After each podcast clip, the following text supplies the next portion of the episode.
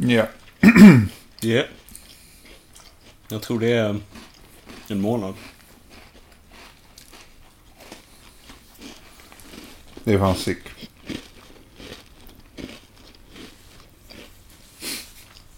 Yeah. Det är väl den. Ja. Se hur det låter då.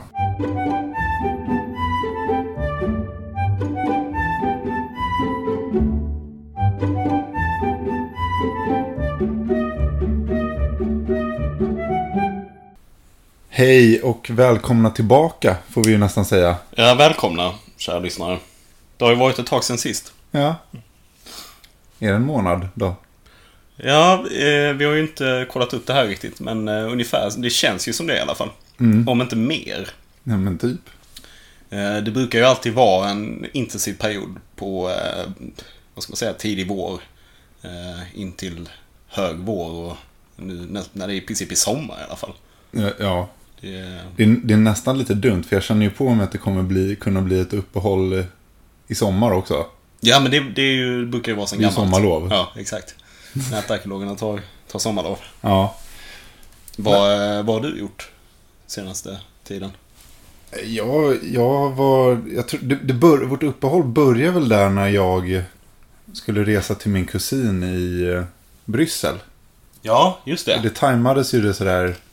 Jag vet inte, vi har pratat om det tidigare tror jag när jag skulle åka till Bryssel och att det failade. Jag satt på landningsbanan i tre och en halv timme. Mm. Och sen sa de att nej det blir ingenting. Nej. Hon skulle gå hem.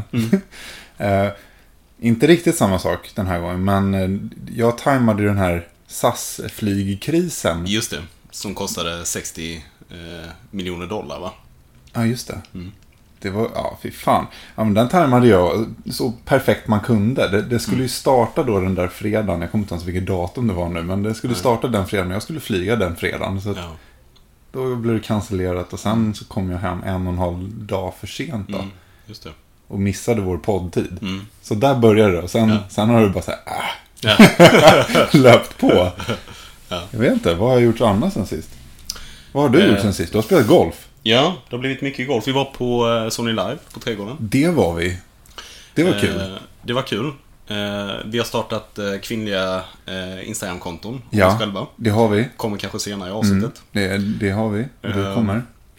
Nej, annars har det ju varit eh, bröllop och golf i, i Skåne eh, framförallt. Och ja, nu senast då golf i Estland också.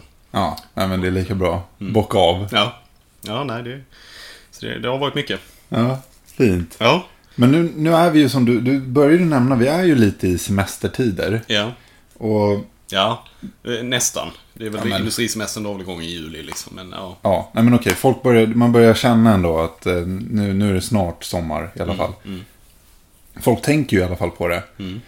Och när det är semestertider och folk tänker på semestern, då kommer ju också de här semesterpersonerna på sociala medier. ja, Som, eh, som gärna börjar fråga saker. ja, just Du det. vet, de frågar kanske... Eh, ja, men eh, ge mig era bästa tips på restauranger i New York. Ja, classic. Ja, Det, det kan, den, den statusen har man ju sett många Ja. gånger. Eller, vi ska på roadtrip i sommar. Tips på boenden på Sicilien. Ja, inte inte bara det, utan det kan också vara så här. eh, Tips på boenden i LA, eh, Santa Barbara, Ja. eh, Monterey. Eh, så, man får liksom med hela itineraryt Ja, i, i ja. liksom en post sådär lite ödmjukt. Ja, Ja. ja just det. Mm. Ja, exakt. Näm, nämn de, alla, de, alla de bästa kaféerna där man kan få den här, en riktigt bra frappe. Mm. Just, och sen någon sån här schysst, då, Venice Beach, Mm. säger någon. Just det, så, så det är ju det första. Mm. Det andra är ju då alla de här svaren. När alla ska då, ja, du måste ju åka till. De har de bästa ostronen. Ja, exakt. Ja. Har du varit på Palais Club i Cannes? An- Om du inte har varit där så ska du dit. Jag var där 2012 och såg Swedish House Mafia och det var det bästa jag sett. Och du måste till beachklubben. Ja, Mm. exakt. Glöm inte beachklubben. Nej. Men ta inte, ta inte en solstol. Kör, hyr en cabana. Ja, just det. Det brukar vi alltid göra. Ja, det måste man ha. Ja. Vad är, vad är det egentligen folk säger då i de här postarna? Eller vad, vad är liksom... Dels så bryr man sig absolut inte om, om tipsen tror jag. Nej. Utan man snarare, det, det handlar ju om att man vill berätta för folk att jag ska på den här Ja. fräcka resan. Ja, just det. Jag ska på den här bil... Vi ska, vi ska köra Route 66 Mm. nu i sommar. Mm. Det är en månad semester. Det ska inte ni göra. Nej.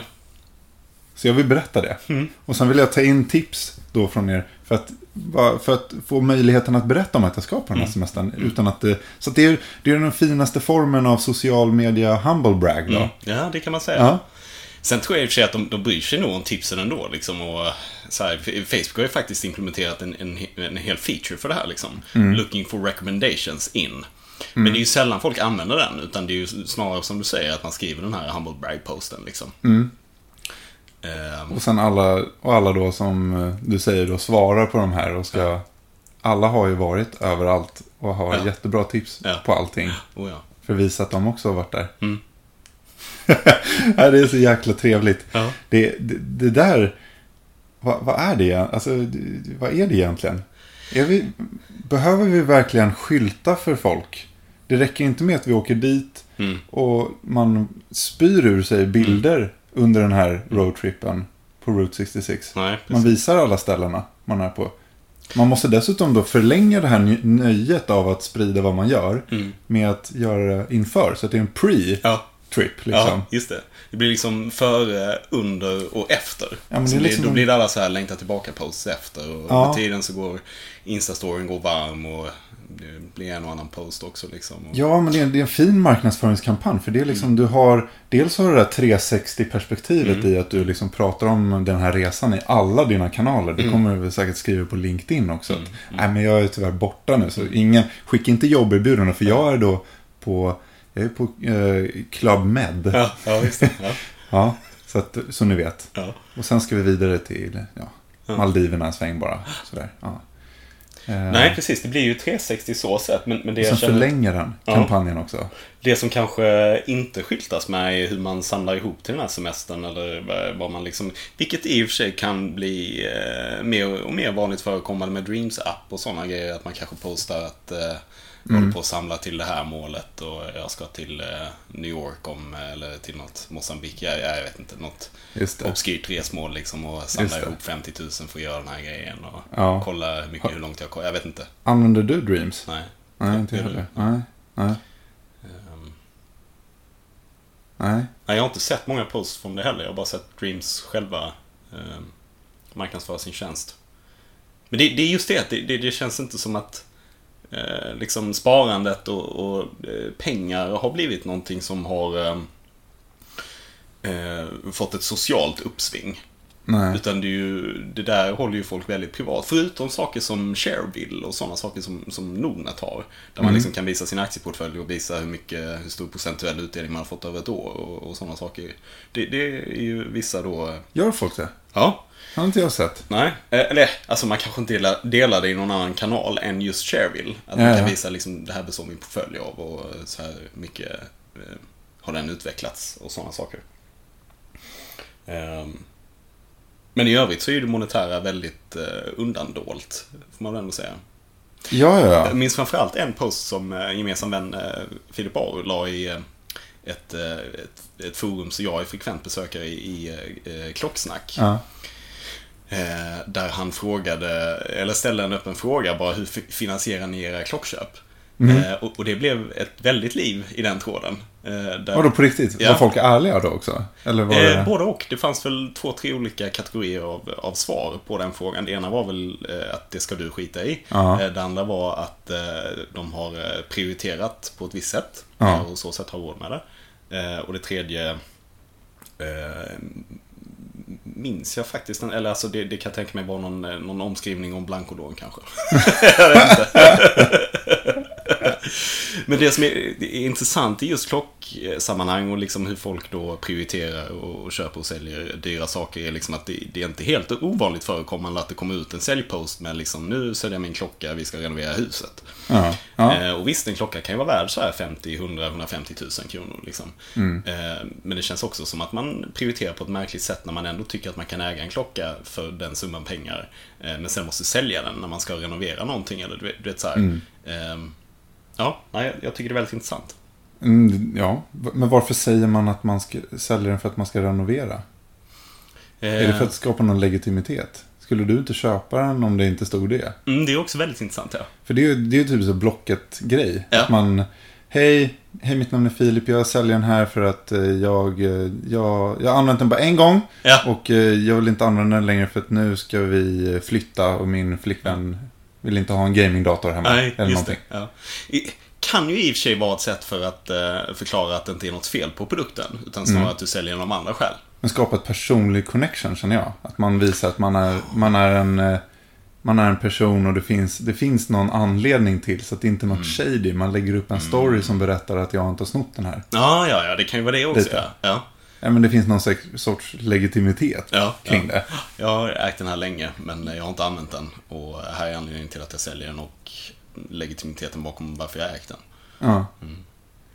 Men vad är då grejen med att man vill skryta för sina kompisar att man åker på semester? Eller liksom, Eh. vem, vem är det man berättar det här för? Vem är det man... Det är väl för att liksom uppnå det här. Det, det är väl egentligen hela det Instagram bygger på. Att bygga upp ett personligt varumärke och liksom att eh, eh, få socialt erkännande liksom. Och att du tror att du stiger i värde för att du gör de här svåra grejerna liksom. Exakt. Så att alltså har du då följare som inte du är vän med. Mm. Så att man vill ju, Ja, just det. man, du vill ju då ha, du vill ju skapa någon, du, du ska ju skapa ett, en bild av dig. Mm, mm. Men vi återkommer ju alltid till det här, känns det som. Mm. Men varför vill man skapa den här bilden av sig? Mm. För det roligaste är då när man, om man då är vän med den här personen som lägger de här statuserna. Mm. Då vet man ju alltid någon sån bakomliggande fakta. Alltså det blir Ja. så genomskinligt varför den här personen gör det. 100 procent.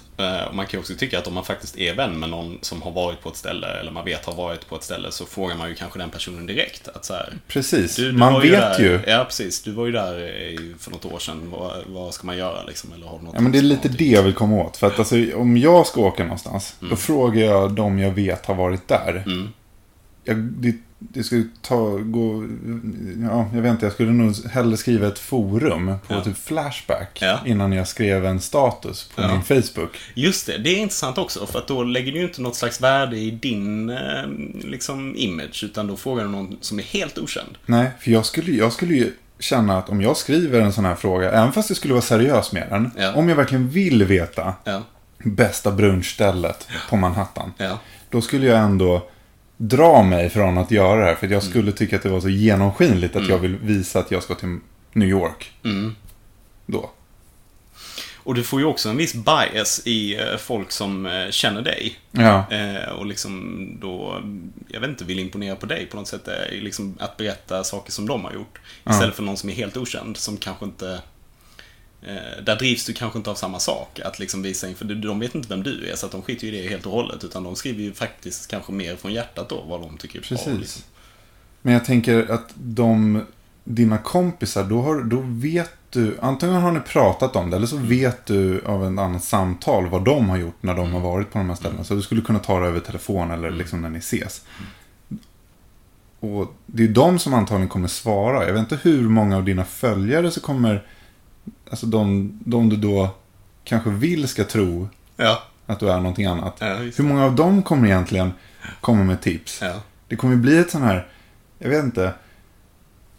Det kommer ju bli att du pratar öppet med dina kompisar om saker som ni egentligen skulle kunna ta i ett enrum. Och så blir det Exakt. som man basunerar ut liksom det här personliga samtalet om en resa som man egentligen tar över en öl. Det gör man till en sån här, ett öppet skådespel för sina följare. För att de ska då tro att du och dina vänner är jävligt beresta. Mm. Ja. Och vem vinner på det? Jag Ja. fattar fortfarande inte. Det är nästan som det här att göra planer inför andra, där de inte är bjudna. Ja men precis, att man som följare då till det här, för det är ju uppenbarligen följarna. Ja. Alltså, och då följare är då inte vänner, utan Mm. vännerna, de vet, för ni har setts och ni har pratat om att du ska åka bort. Mm. De vet att du ska dit. Mm. Så att alltså har ni något jävla så här, det är någon jävla charad Ja. för folk som du inte känner. Ja. Och de, de är inte tillräckligt, alltså jag vet inte, de är inte tillräckligt med på bollen så att de kan eh, känna sig delaktig heller. Utan det blir bara så här tomt.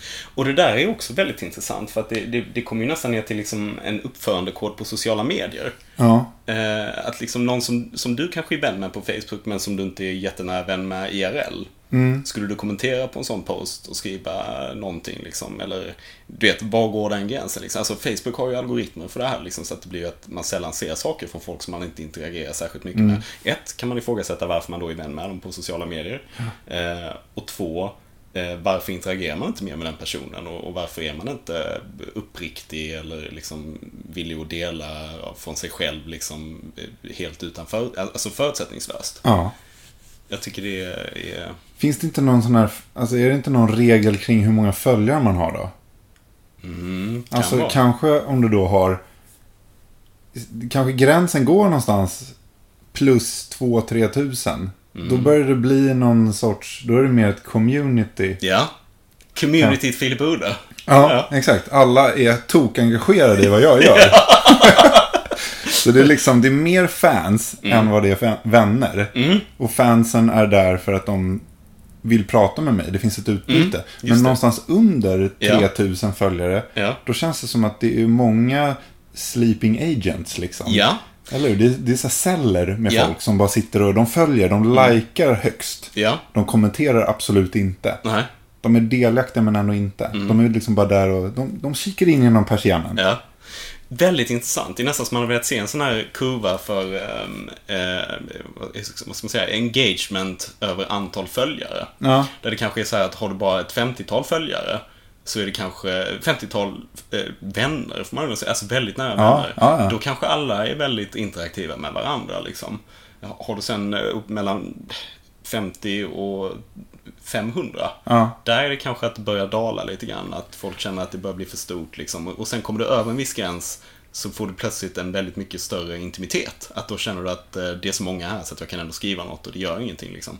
Precis. Eh, lite som det är på stora och små fester liksom. Att, att det blir nästan, där går ju gränser också liksom så här om man är fyra, fem stycken som träffas på middag. Då blir det plötsligt en väldigt social press för att interagera med alla. Men samtidigt om du är på en väldigt stor fest så kan det nästan bli intimare för att då kanske du bara umgås med två, tre människor väldigt eh, nära liksom. Eh, Och är ändå det- skyddad av mängden Exakt. folk för att du kan alltid relatera till vad de Exakt. andra i mängden gör. Ja, ja. Och då är, det lite, det- då, är då är vi inne på någon sorts så här mikroinfluencers Mm. är ju en grej. För att det är alltså, jag, jag vet inte vad, vad gränsen går för att vara en mikroinfluencer. Men säg att bara några tusen, alltså det Mm. behöver inte vara över 2000 ens. Nej. Men att du, om du är under, när du är där nere, då har Mm. du väldigt engagerade följare. För det är oftast vänner till dig. Ja. Så då har vi, då har vi alltså, det är, en, det är en influencer i dess linda. Det är Mm. någon som i kompisgänget eller i umgängeskretsen då som är någon som man litar på. Mm. Om den personen säger att köp, eh, köp en eh, ny iPhone, ja, då kommer folk göra det. För att han, det man litar på. Carl Fredrik, liksom, han, han vet läget. Sen har vi det här mellanskiktet med folk som har typ 50 000, 100 000 följare. Då blir det någon sorts grå massa, lite mer känns det som. För att sen komma upp i de här riktigt tunga, Pewdiepie, där alla känner att de har en reason to speak. Liksom. Ja, ja. Då är det ett community. Verkligen, lite grann på samma sätt som det här bensinupproret 2.0 har blivit. Ja. Eh, På Facebook, Sveriges största Facebookgrupp genom tiderna som har Ja. växt i eh, rekordfart. Av lite olika anledningar. Några av dem är då att eh, bensinpriset har stuckit väldigt högt nu på senare tid. Eh, Den andra är att Facebook har gjort om sina algoritmer för att då få mer personlig eh, content som passar dig mer personligen Ja. och att det ska vara lättare att hitta till, till rätt grupp och, och, och sådana grejer. Där det också då är, ja nu är de väl uppe i 400-500 000 eh, anhängare liksom. Eh, där det kommer väldigt många på, jag är med, jag har du gått med i, i gruppen? Nej, jag har inte det. Jag gick med i den mest för att jag också är sur på bensinpriserna och eh, för att jag ville se lite vad det handlar om också. Ja. eh, Det här fenomenet. Och det kommer ju dagligen väldigt mycket långa och starka åsikter, posts liksom. Men folk känner sig trygga där. Ja, exakt. För att det är ett community där alla tycker lika på Ja. en punkt i alla fall. Eh, Och eh, känner att det är till för att lufta sina opinions liksom. Mm. Men, men vad, vad kommer vi egentligen fram till här? Alltså, för den här, nu, nu, nu pratar jag ju främst om folk som kanske har, alltså de som skriver de här statusuppdateringarna. Mm. Det är ju folk som, de är ju inte den här tokstora influencern. De är heller inte någon liten som har ett konto med bara vänner, 50, 50 kompisar. Liksom. Mm. Det här är folk som ändå har en öppen profil Mm. på Facebook, Instagram. Folk Mm. kan se. Mm. Men de, de, de försöker vara någonting som de inte är. För Mm. vem då? Ja. Ja, jag vet inte vad vi kommer fram till riktigt Nej, här. men nu slår det mig också så här att jag tycker det där har ju mycket med liksom okynnesresandet att göra också. Att du plötsligt bokar en resa till ett resmål, som då anses vara inne eller hett. Mm, Eh, utan att veta vad du ska göra där. mm. Det har jag också väldigt svårt för personligen i alla fall. Jag är inte mycket för att resa med den grunden. Men tror du det är så på riktigt då? Är inte det här bara en charad som sagt? Alltså, Jo, det- det- så kan det jag, mycket jag, väl vara. jag tror att den här personen Ja. Mm. har allting planlagt. Det är bara att den vill ha sagt det här. Så kan det mycket väl vara också. Men men jag tycker ändå det är ett intressant perspektiv. Om Mm. det är så att folk bara bokar resor till sådana här resmål för att eh, de vet att många har åkt dit och att det kanske är en kul grej. Ja, det är ju Och bara riktigt sjukt. okynnesbokar. Och sen då, får se vad vi gör när vi kommer dit. Liksom. Jag tycker det är ett väldigt märkligt sätt att resa. Jag, eller jag Ja, det är reser ju jättemärkligt. Oftast bara av anledningen att jag har någonting att göra när jag kommer dit. Eller det är något som vi ska göra. Eller det är därför jag bokar den här resan. För att Ja. ska dit och, och gå på ett bröllop eller gå på en fest eller eh, göra någon speciell grej. Spela golf. Eh, så att, ja, nej, det, det kan mycket väl vara så som du säger, att det bara alltid är bara en charad liksom. Ja. ja. Jag vet inte vad man kommer fram till med det här, men det, det är bara något jävla sjukt be- beteende Ja. som har med sociala medier att göra. Ja. Eller hur? Mm.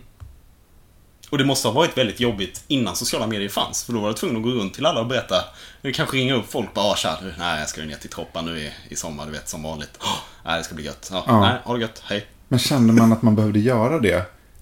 Eller vad, är det här liksom ett vissa helt nytt umgänges- beteende? Ja, i vissa umgängeskretsar så var det kanske så man gjorde. Eh, att eh, man umgicks i stora liksom, eh, kretsar och man kanske såg till att berätta för rätt folk att man skulle dit så att folk visste. Eller ja, jag vet inte. Och, Ja.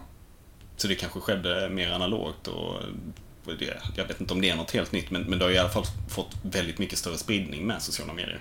Jo, men jag tänker, alltså det har alltid funnits den här, när man inte då hade sociala medier, att det, ja men någon i klassen som sa, Mm. då, att vi ska åka dit. Mm. Sa, sa över hela, alltså till hela klassen. Ja. Liksom.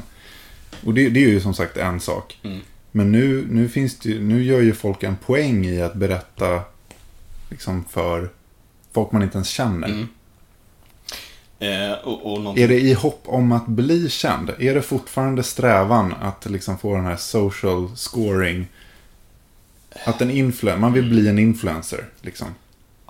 jag, jag vet inte om det är det som är bakgrunden till, till allting, men det är väl generellt så att folk har väl alltid varit benägna om att eh, nå högre social status på något sätt. Sen vet jag inte om högre social status innebär att du är influencer eller bara att, Nej, jag vet Ja. inte. eh, att du vill vara creddig liksom. Mm. Eh, någonting som slog mig nu med det här med Instagram-posts och så här, hur folk gjorde förr är ju att det är egentligen det som eh, vykort var förr i tiden. Att du åkte till ett ställe för att köpa ett gäng vykort för att skicka hem till folk. Skriva någon helt överflödig kommentar om att ja, vädret är fint och allting är är bra. svinbra. Hoppas ni är där hemma och ja, vi ses. Ja, ha det ja. gott. Eh, Det är ju sånt som är kul att kanske skriva till sin mamma eh, och liksom så här nu för tiden. Men på den tiden kan jag tänka mig att man kanske slängde iväg ett gäng så att folk visste att man hade varit där liksom. Och kanske man fick ett vykort från någon som man inte hade någon... Åh, Liksom. nej, vet du vad det är? Det här är ju bildvisning på middagar. Ja, så var det ju också. Diabilder och så här. Man skulle kolla semesterbilder efter och... Ja, liksom. Så, det där har varit en fixering länge liksom. Man Ja. gick och framkallade bilder hos en vilt främmande människa. Ja. Som sen lämnade tillbaka de bilderna och liksom så Ja. visade dem för alla du kände. Ja. ja. Ja, ja. Nej, sånt är det. Så, så, så är det ju Ja. faktiskt. Att, ta, ta det lugnt med det där. Ja. Jag, vet- jag vet inte, jag, jag stör mig bara lite på det. Men eh, det, det kanske är över, det är övergående. Ja. Mm. Ja, vi får se helt enkelt. Du, det, det är ju ett antal stora händelser som har pågått nu sen vi har haft uppehåll. Ja, säga. herregud. Man skulle ju nästan kunna gruppera det kring liksom miljöhetsen som vi har varit inne på tidigare. Mm. Eh, ja, där då... Vi gick nästan lite in på det nyss också. Ja, fly, fly ja, shame. Ja, fly shaming. Eh, bensinskatten har vi pratat om en hel del. Mm. Eh, EU-valet, Ja. en stor hets som varit igång. Eh, Napster 20 år. ja, Jag skojar. kul. Ja. Ja. ja, de fyllde 20 år faktiskt. Voi har vi också som eh, återkommande tema här. Jag tänker att vi dyker rakt in. Mm. Eh, om vi fortsätter då på eh, bensinupproret 2.0. Eh, med eh, då bensinskatten som har eh, skjutit i höjden. Ja. man säga. Eller bensinpriserna är ju uppe i jag vet inte om det är 17,60 eller över 18 kronor på vissa ställen i landet. Ja, det är ju sick alltså. Jag vet inte, nu har du tagit körkort lite på senare dag va?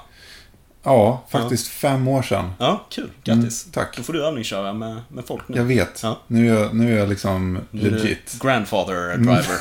Exakt, jag har levlat upp. Ja. Precis. Ehm, Men när jag tog körkort då, Du 2005, får ju ja, ta på dig glasögon Ja, och se ja, ja, tillbaka precis. här nu. 15 år sedan, Mm. ehm, så låg bensinpriset på ungefär 10 kronor.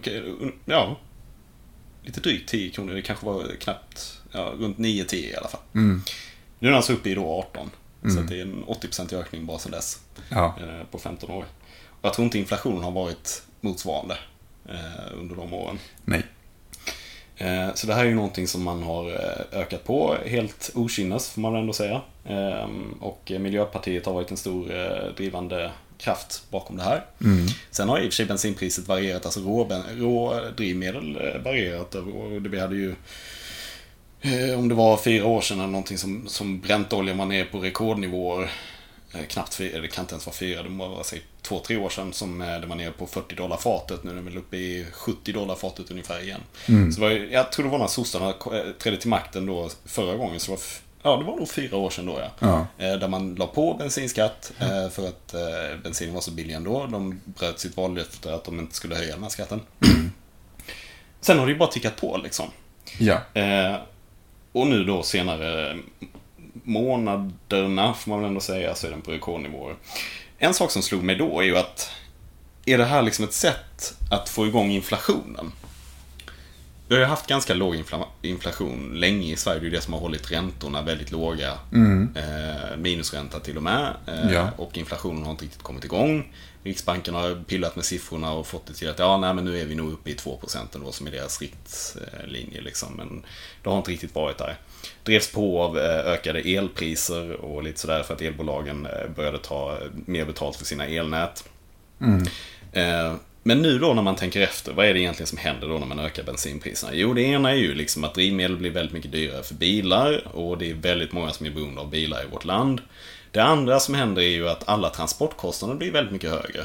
Ja. För eh, inte bara e-handel, men liksom för all handel i princip. För att alla varor transporteras på ett sätt eller annat på oljebaserat sätt. Ja. Antingen med båt eller med bil eller med långtradare och så vidare. Så det kommer liksom orsaka att alla priser kommer ju öka i butiker. Ehm, bensin, alltså drivmedel för, för bilar kommer att öka så att plötsligt kommer folk spendera väldigt mycket mer pengar. Och det är sånt som driver eh, inflation. Så antingen om det är ett mål i sig eller att man, ett mål då förklätt i liksom hela miljödebatten och, och det andra då att, att eh, Socialdemokraterna gillar att få in skattepengar. Ehm, men jag vet inte om det är någonting som har tagits i åtanke riktigt, att det här kommer att driva på inflationen och vad kommer då hända med räntan? Kommer man ju höja då när man får ökad inflation? Eh, folk, framförallt i Stockholm, sitter på väldigt höga bolån och pengar som går till det. Och eventuellt en lågkonjunktur. Inte tänkt på det här och det är en väldigt bra poäng. Ja, vi har ju haft ungefär 12 år nu av stigande marknader och, och liksom stigande konjunktur eh, sedan då finanskrisen 07. Ja, det här är ju, det är ju nästan paritet med 80-talet ju. Ja, Det är ju riktigt. ehm, så att ehm, det ska bli väldigt intressant att se eh, Riksbankens nästa rapport, eller SCB, eh, Statistiska centralbyråns nästa rapport över konsumentprisindex. Ja. Ja, ja, jo. Fan. Alltså, nej men... Mm. Det, det bara är väldigt lägligt allt nu. Ja, visst är miljö, det. Miljödebatten. Ja. Alltså, det känns som att... Eh, Och det är liksom, det, jag tänk, ja. det, det, det är en väldigt Jag börjar bli konspiratorisk i huvudet. Ja, ja. läste en artikel idag om, ehm, nu kommer det låta som vi klippte där. Ja, det, var jag, det, var som, det var ett lagg på riktigt. Ja, var- Ja. Nej, eh, men jag läste en artikel idag om ehm, eh, hur liksom hela eh, skattefrågan och miljödebatten har drivits. Det har drivits Mm. på väldigt auktoritär nivå och väldigt, liksom, eller väldigt auktoritärt och på en väldigt holistisk, eller vad ska man säga, så väldigt, eh, det, det, alla är påverkade liksom. Det, man har inte tagit i åtanke liksom landsbygden versus Stockholm och liksom att det inte Nej, nej, finns nej. eh, Nej, precis. Eh, att det inte finns kollektivtrafik på väldigt stora delar av landet. Utan nu är det så här det är och eh, vi ska höja alla skatter för det här. Eh, och att man har liksom inte... Så fort det är någon som sätter sig emot det här, som bensinupproret till exempel. Och, så här, nu är det rätt många som är rätt pantade i den gruppen också och säger att koldioxid är nödvändigt för att växter ska överleva och så vidare. Ja. Som kanske inte har fattat hela grejen. Eh, men så fort det är någon som säger någonting om det här så är det liksom, jaha, men är du emot miljön? Eller är du inte för liksom du, att vi ska få en är du en miljö? miljöpåverkare? ja, nej, nej men precis. Det, så är det ju verkligen. De, det, det, är därför jag känner att det, det, känns nästan skriptat det här. Ja, ja. Och det Eh. är väldigt, då får det ju väldigt lägligt och, och så här som politiker älskar liksom att det eh, det, för det här är ju liksom inte någonting nytt i politiken. Att Miljöpartiet och Socialdemokraterna och Vänsterpartiet vill höja skatter. Nu är det bara att de har en väldigt bra anledning att göra det. Eller att de har en väldigt läglig anledning att göra Det är det. en läglig anledning som är väldigt svår att debattera emot. Ja. För just det, Ja. man kan alltid vifta med kortet att Ja. vi gör det för miljön. Ja, ungefär som de som då röstar på Socialdemokraterna, eh, eller vad säger jag, eh, Sverigedemokraterna brandas som nazister liksom. Och att, eh, bara för att man gillar deras agenda liksom. Nu säger jag inte att Sverigedemokraterna är bra så, det får man jag ingen värdering i. Men, men att det, det är ungefär samma retorik liksom. Mm. Ja, verkligen. Och sen är det intressant då, såg du på nyheterna igår till och med. Att eh, man pratar ju då om att ja, men det är höjda bensinpriserna och sånt. Men att flyget är ju inte påverkat. Det är ju fortfarande egentligen skattebefriat. Ja, så är det så. Mm. Så att om vi man hade hade... på någon flygskatt. Ja, men alltså i, i, för, i, i jämförelse, den är liksom... Ja. Det, är, Ja. det, det är så lite så att det är, Ja. det är, det är, det är ett skämt. ja. Och på så sätt, ja, det är ju, det är ju fan lite av ett skämt. Mm. Eh, att då bilar och eh, då båtar ska Mm. beskattas så sjukt, men flyget inte alls. Nej. Men då gjorde de ju en jämförelse att eh, om vi hade lagt på den nuvarande beskattningen som är för bilbränsle då Mm. på flyg, Mm. då hade en Thailandsresa gått upp med 9000 kronor i snitt. Ah, mm. Så att då blir det helt plötsligt en, eh, ja, vad ska man säga, en lyxfråga Ja. med res, resor. ja. Vilket, vilket var någonting som, det känns som att vi har jobbat för att det inte ska vara. Att Mm. det ska snarare vara, ja men connecting people, Mm. Nokia. Mm. Nej. Nej men att eh, det, demokratisera Ja. resandet så att alla ska kunna resa. Mm. För jag tror ju verkligen inte att, eh, ja man, man pratar ju om höghastighetsbanor för tåg och, Mm. och så vidare. Men det, hur många spår extra behöver vi inte bygga för att kunna förflytta den här folkmassan Mm. ner över Europa bara? Verkligen. Och vad kostar inte det? Mm. Och det hade ju I- i, ja. i princip dödat alla flygbolag som hade flugit från Sverige. Eh, om, inte minst de svenska flygbolagen. Eller, ja, de, inte minst inrikes men också alla som flög utrikes ur Sverige. Så att man hade ju liksom, Arlanda hade vi kunnat lägga ner direkt. Liksom. Det hade inte varit någon som hade velat flyga där om bränslet skulle bli så dyrt. Så att Nej. plötsligt när det är en internationell fråga, de är väldigt benägna om att hålla priserna liksom rimliga. Men när det är en inrikes fråga så kan man pusha liksom alla de här som bor på landsbygden och är beroende av bil eh, trafik, eh, eller att köra bil, då kan man pusha dem hur hårt som helst. Och det var också en jämförelse som gjorde i den här eh, artikeln jag läste att det liksom det här kommer inte få någon inverkan på de som är beroende av sin bil. Eh, för att de kommer vara lika beroende oavsett hur mycket man höjer skatten. Om då motargumentet är att ja, men man kan köpa en elbil, då blir det ju plötsligt väldigt mycket en klassfråga och en, Precis. liksom, eh, en monetär fråga. Att ska du då sälja din bil och köpa en elbil som är dubbelt så dyr? Mm. Det har inte alla råd med. Eh, Så att Och utan laddmöjligheterna. Exakt.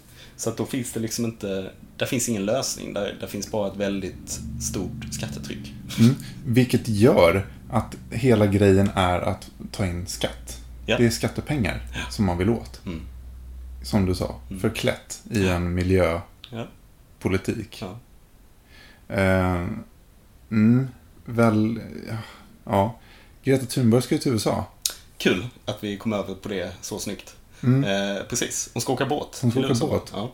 Hur lång tid tar det då?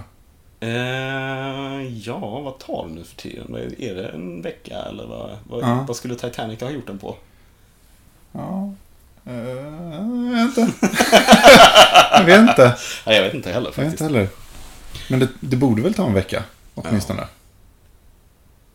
Atlanten. Säkert. Ja, minst. Känns som.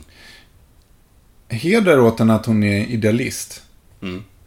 Men, eh, ja.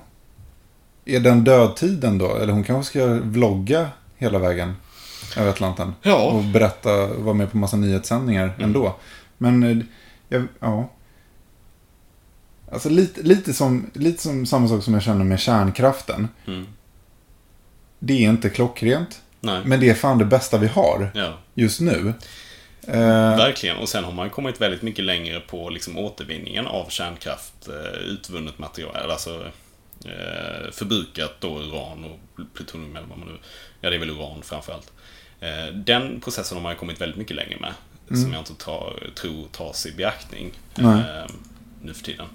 Eh, men jag håller med dig att, att kärnkraften är liksom det bästa vi har, skulle jag säga. Ja, och det, det känns ju, alltså visst, nu i Gretas fall, då, då, det finns ju en poäng, en symbolisk poäng i att hon tar båten. För att alla liksom, ungefär, det har ju blivit en meme. Mm. Vad, hur ska hon ta sig då? Mm, mm, Och då, ja, då svarar hon ju med att, ja men jag tar ju båten. Mm. Men det kommer ju samtidigt fram att en båt är ju inte heller så jävla miljövänlig. Nej, samtidigt har jag inte sett någon räk- alltså slå ut den där kostnaden på antal passagerare. Nej, Och det är kanske väldigt sant. gods som de har med sig. För Very det är många true. som älskar att slänga skit på båtar och fartyg, att de förbrukar så fruktansvärt mycket. Men om man då beräknar livstiden på den båten och hur många passagerare den för med sig, Ja. vet jag inte om det blir lika mycket. Ja. Men då, då var det intressant också att det kom, ju- det kom ju fram det här med klädindustrin. Nu ja, också, i har jag veckan. också sett eh, Att, post på. Där släpps det Det har vi inte pratat alls om. Nu känns det som, alltså nu, i, i dagens eh, medielands, alltså nu, nu, nu känns det som man, man rannsakar allt just nu. Men det är ju lite som med metoo-fenomen. Plötsligt Exakt. så bara exploderar det. Nu jäk, ja, Mm. verkligen. Nu jäklar ska vi gå in och kolla på allting. Bra, i och för sig. Mm. Men att det först nu då kommer fram att just klädindustrin, Mm. man har kanske haft det lite på känn att det, det, det är nog inte så Mm. jäkla miljövänligt. Mm. Men att det är, det, det är ju så många gånger värre än både flyg och sjöfarten tillsammans. Mm. Och vad är det man då säger att eh, klädindustrin gör? Är det att de transporterar stora mängder eller att de använder mycket vatten eller att de generellt har stora utsläpp i någon form? För det är det Eh, jag tycker är väldigt oklart i hela debatten också. Då, är det någon som slänger ut en artikel att liksom, ja, klädindustrin står för större utsläpp än hela världen. Ja, men det, är det, det det, väl- är väl att det, det- alltså, största mäng, alltså energin som man använder för att göra alla den här mängden kläder. Majoriteten eh, kommer från eh, kolkraft. Ja, ja, ja. Eh, så Ja. det är väl där det stora problemet är. Det kan jag tänka mig, för att det är ju väldigt mycket av det som sker i, eh, ja det är ju inte riktigt tredje världen längre, men i, i Indien och i Kina där man har, Mm. eh, framförallt i Indien då som är väldigt kolkraftberoende. Mm. Och sen ska det fraktas därifrån. Över hela världen. Ja, det är ju klart att det, det blir en- och det, och det var lite, jag återkommer till den här artikeln nu som jag läst, vi får länka till den sen. Eh, där man skriver att det liksom, det västvärlden gör idag, och framförallt Sverige, är liksom en piss i Mississippi jämfört med hur Indien kommer vara framöver och när de liksom industrialiserade, de är ju industrialiserade, men Ah, ja. när de börjar växa och få en, en eh, up and coming eh, medelklass och så vidare. Liksom att det, det där kommer få så pass mycket större inverkan än vad vi någonsin kan ha Ja, ja. i stora sammanhanget. Ja, ja, ja. Nej, vi, vi, vi, kör ju på vår att vi är, en före, vi är ett föregångsland. Mm. Det är ju det är vår grej. Ja. Att visa så här kan man göra. Men, Mm. ja, men det är ju där det verkliga problemet är. Mm. Det är USA, det är Kina, det är Indien och, och så vidare. Mm. Sen, de måste ju Mm. ändra på sig. Mm, oh ja. Uh, ja, fan. Det, är- det är jävligt rörigt. För just Mm. nu Just nu känner man ju sig att vad, vad ska man göra då? ja. Eller? jag vet inte. Jag vet inte vad jag ska göra längre. Nej. Allt är ju allt är fel. ja. Men det är väl det också, antagligen. Nej, men någonstans så... Jag kan ju se liksom en sån här utopi framför, sig, eh, framför mig att man har liksom...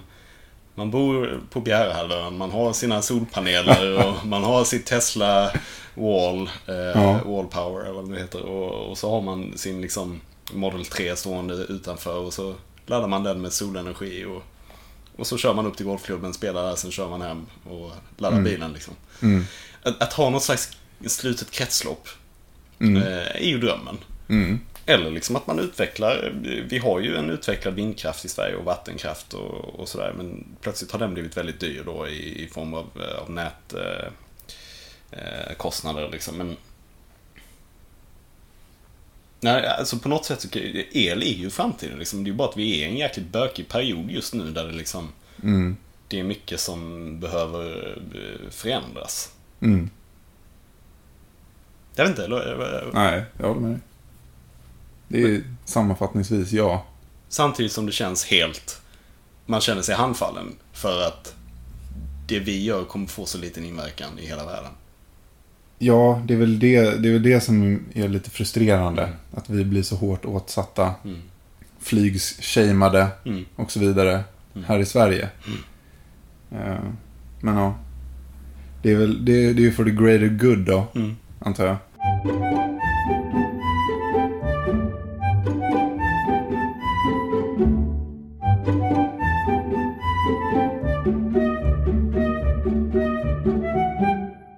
Ja, det, det var ju kanske inte helt meningen att det skulle bli ett miljöavsnitt. Men eh, alltså, som, som ni säkert vet, jag tror vi har nämnt det tidigare, så vi, vi spelar ju in eh, rakt upp och ner Mm. och det som händer händer lite. Ja. Så att vi har ämnen som vi tänker prata om, men sen, som, sen så kan det spinna vidare Ja, lite. eller vi har ju en, alltså, en var kommit på ämnen, eller vi har hittat Ja. ämnen, vi har ju inte diskuterat det här i förhand. Eh, och sen så blir det ju också typiskt när vi inte har spelat in på ett tag att man har ett antal rants som liksom ligger och bara jäser. Ja, det var gror. Ja. Ja. Eh, Men, men- över till någonting annat Mm. snabbt då. Deepfake ja, har vi pratat om tidigare. det har vi. Mm. Alltså att man eh, egentligen med, med dator och eh, AI-funktioner, animeringar och så Mm. vidare gör så att någonting du eller någon annan ser ut som någon annan. Mm. Sett exempel på när folk eh, har klistrat på Nicolas Cage väldigt naturtroget på ja, porrstjärnors kroppar. Mm. och liknande. Eh, Och då inte bara bilder, utan alltså i videos eh, ofta. Kan Ja, ja, exakt. Ja. Både Tom Cruise, Nicolas Mm. Cage och så vidare. Många kändisar har blivit utsatta för det här och Ja. det, ser ju väldigt bra ut. Och eh, senast i raden av deepfakes-funktioner som alltså, till, som väldigt tillgängliga för folket Mm. är ju då det här nya Snapchat-filtret. Ja.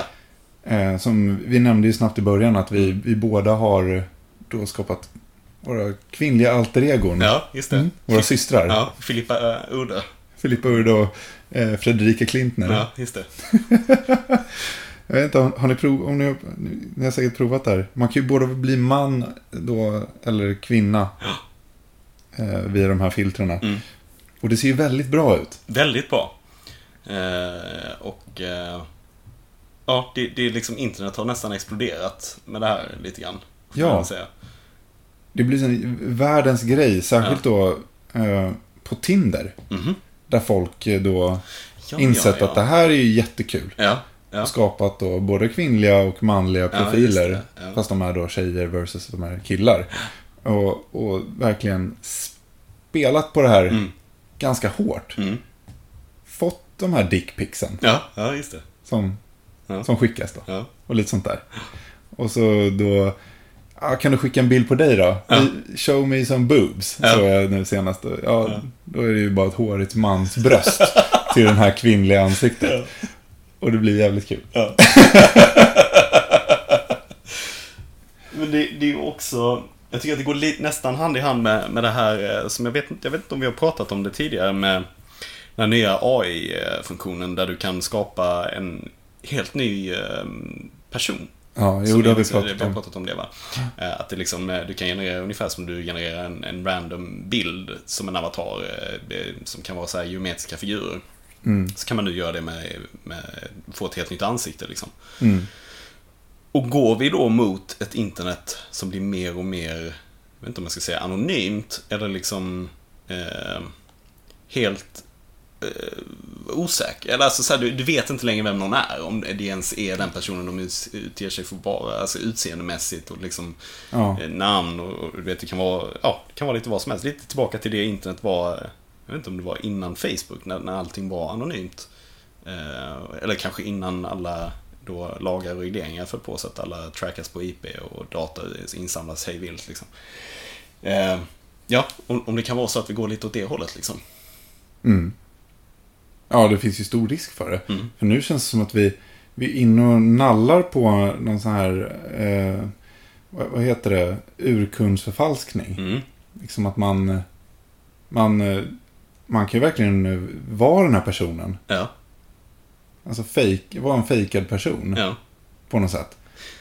Ja, men jag vet inte om det blir så stor grej. För att det är, liksom, det är ju nästan som om... Det är ju nästan jämförbart med att du har en eh, fake-mustasch och eh, ett glasögon på dig. Som, som du kanske inte har annars. Eh, och liksom ändra ditt utseende på något sätt. Så att det blir ju... Mm. Nej, det, det, är är inte, det är inte jättelångt ifrån det, men jag, jag är med på vad du menar också. För det, det kan ju mycket väl vara så att, som du nu när du skapar eh, Filippa Udde. Ja. Säg att hon blir influencer. ja, men det var ju det som lite Ja. var tanken. Liksom. Ja. Alltså, hur långt kan man dra det här? Ja, hon får 100 000 följare. Ja. Plötsligt får hon in samarbeten. eh, Och liksom massa pengar. Och så här. Och det är ju egentligen, ja det är ju en person, men det är också en person som du har skapat. Det är nästan som en skådespelare.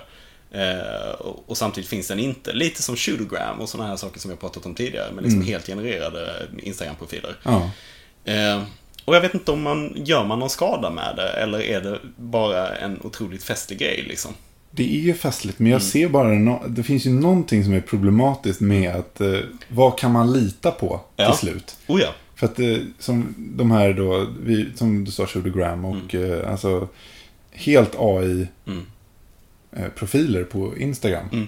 Har hur många följare som helst. Alltså där vet man ju att det här är en AI och det är liksom, allt är fake. Mm. Men eh, i takt med att allting bara blir bättre och bättre Mm. så känns det som att eh, alltså, folk som blev nu catfishade på Tinder. Ja. Alltså det kommer ju hända bara mer och mer. Mm.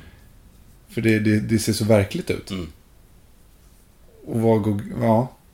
Ja, alltså det man kan tänka sig är väl att det blir väl kanske för vissa appar då, som Tinder kanske, där det är väldigt viktigt att du är den du ger dig för eller väldigt viktigt, i alla fall i sammanhanget om du vill, faktiskt vill träffa en partner, att man kanske lägger till extra verifieringssteg. Att det är så här, ja, ta en selfie nu med öppen kamera. Och Ja. liksom, du vet så här, eh, Ja. du kan inte lägga in någon annan bild. Eh, Att det kanske blir ett extra steg då. eh, Mm. För att då visa på att den här, den här profilen är verifierad. Det kanske är ett alternativ. Så kanske det finns eh, overifierade profiler också. Med så här, ja det här kan vara i princip vem som helst, se ut hur som helst. Mm. Eh, ett anti-catfishing-lager liksom. Ja. Eh, samtidigt som jag hade en annan idé också på det här. Eh, som är att... ehm, jo, att det, det är lite det här vi pratade om också. Att det, det urvattnar ju liksom den här... Eh, vad ska man säga? Staple influencer. Liksom, att de här som har då hundratals tusen följare. Att det, det där är inte jätteintressant längre. Och att Nej. det börjar gå mer och mer åt mikroinfluencers. Som kanske har bara, ja, några tusen följare. Liksom. Mm. Och att det är det folk ser som mer eh, mer legitimt, mer in- intimt och eh, mer verklighetstroget. Liksom. Att de här stora influencers, det är ju faktiskt bara en, en produkt som är där och ska Mm. sälja saker till dig. Mm. Lite som Zlatan. Mm. Lite som Zlatan. Jag är här att sälja grejer till dig. Ja. Nej, jag, jag, jag känner ju själv när jag, när jag sitter och har gjort de här posterna med Filippa Urde. Mm. Det, det, det, det, är ju lite obehagligt Ja, ändå. ja, ja. Men väldigt festligt. Det Vi är hade väldigt väldigt kul med, med de här eh, videosarna vi gjorde. Ja, det, det är ju jätteroligt. Ja. Men det, det, det är någonting obehagligt med det också. Ja, oh ja. Eh, jag, ja, jag, vet inte.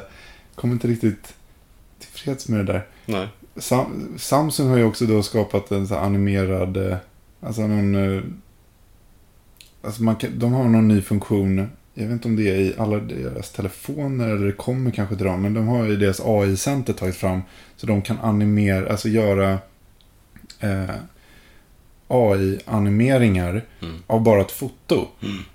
Så de visar ju upp ett case när de ja, men tog Mona Lisa Mm.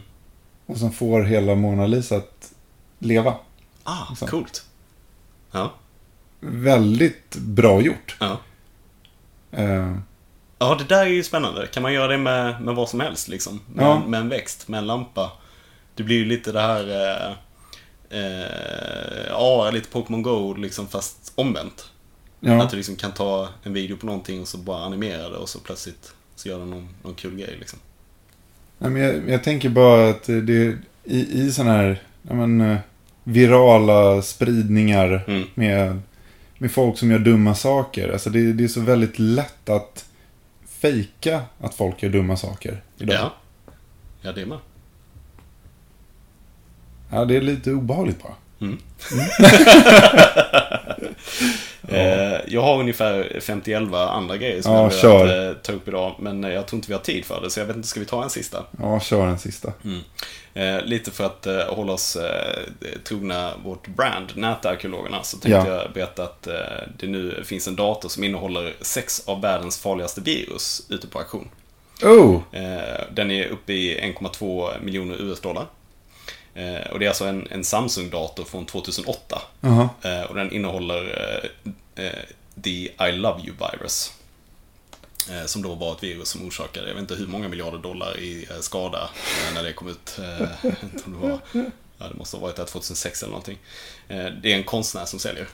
Eh, fan, som ren konst. Att ja, det är så jävla kul. det säljer en, en riktigt gammal, helt obrukbar dator som säkert tar... Supernerlusad. Ja, ja, ja, som bara tar en timme att starta upp liksom och Windows laggar och det är säkert Windows XP eller något annat gött. Eh, så eh, är den supersmockad med Virus. virus. Det är skitkul. Och det där är ju, ja nej jag tycker det är någonting vackert i det där. Ja, det, ja, det, Det, det är ju verkligen nätarkeologi på, på hög nivå liksom. Ja, verkligen. Fan vad kul. Ja. Nej, det... Ja.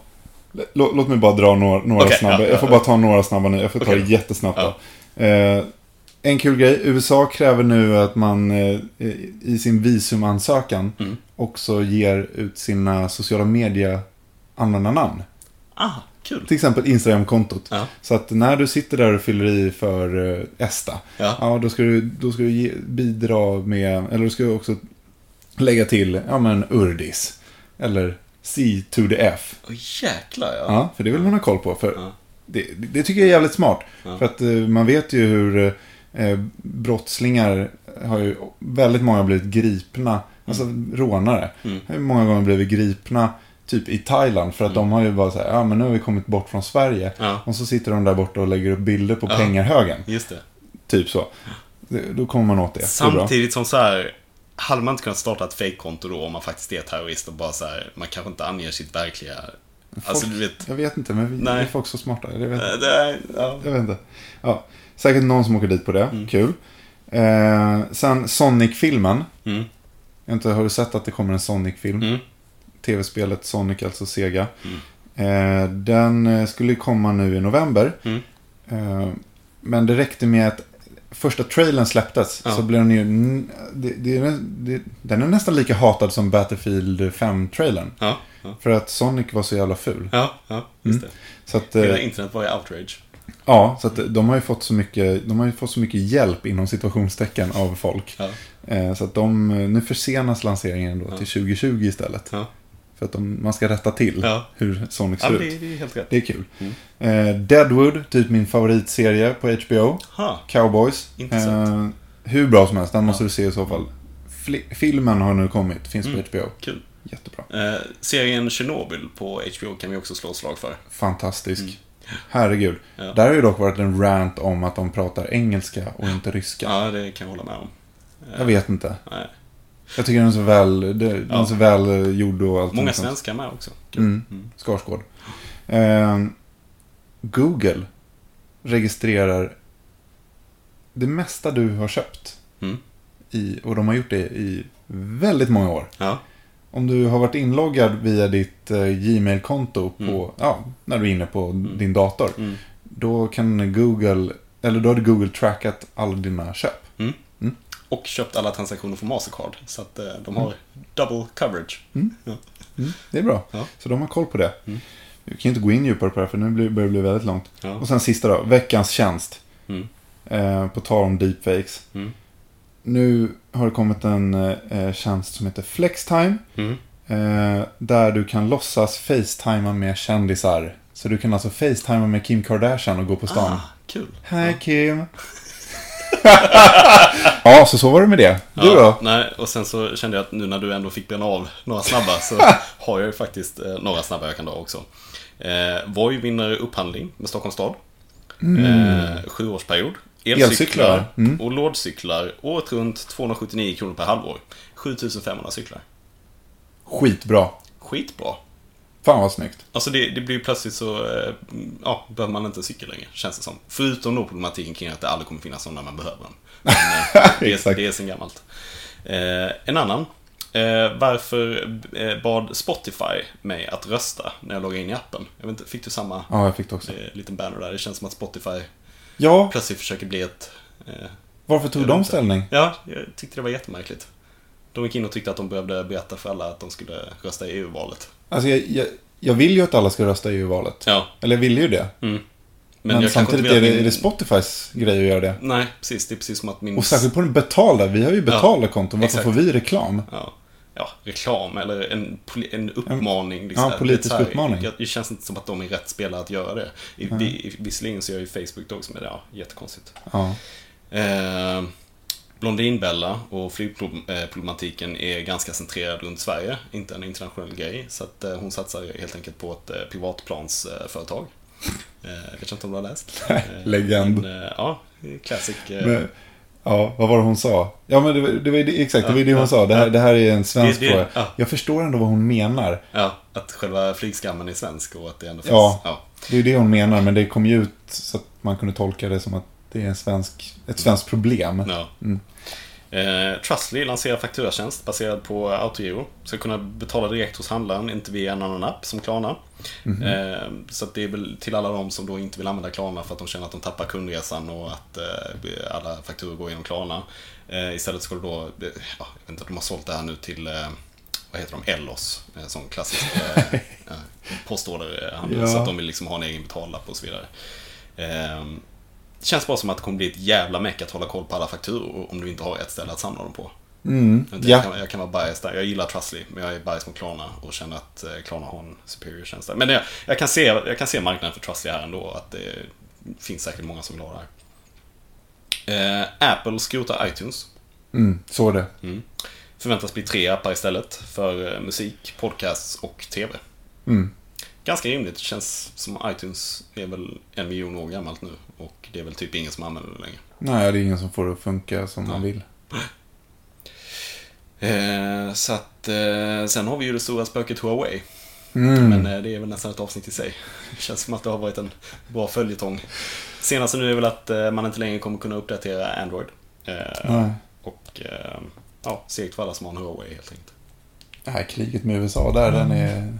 It's going on. Japp. Shit. Eh, avslutningsvis, Greta Thunberg har blivit hedersdoktor.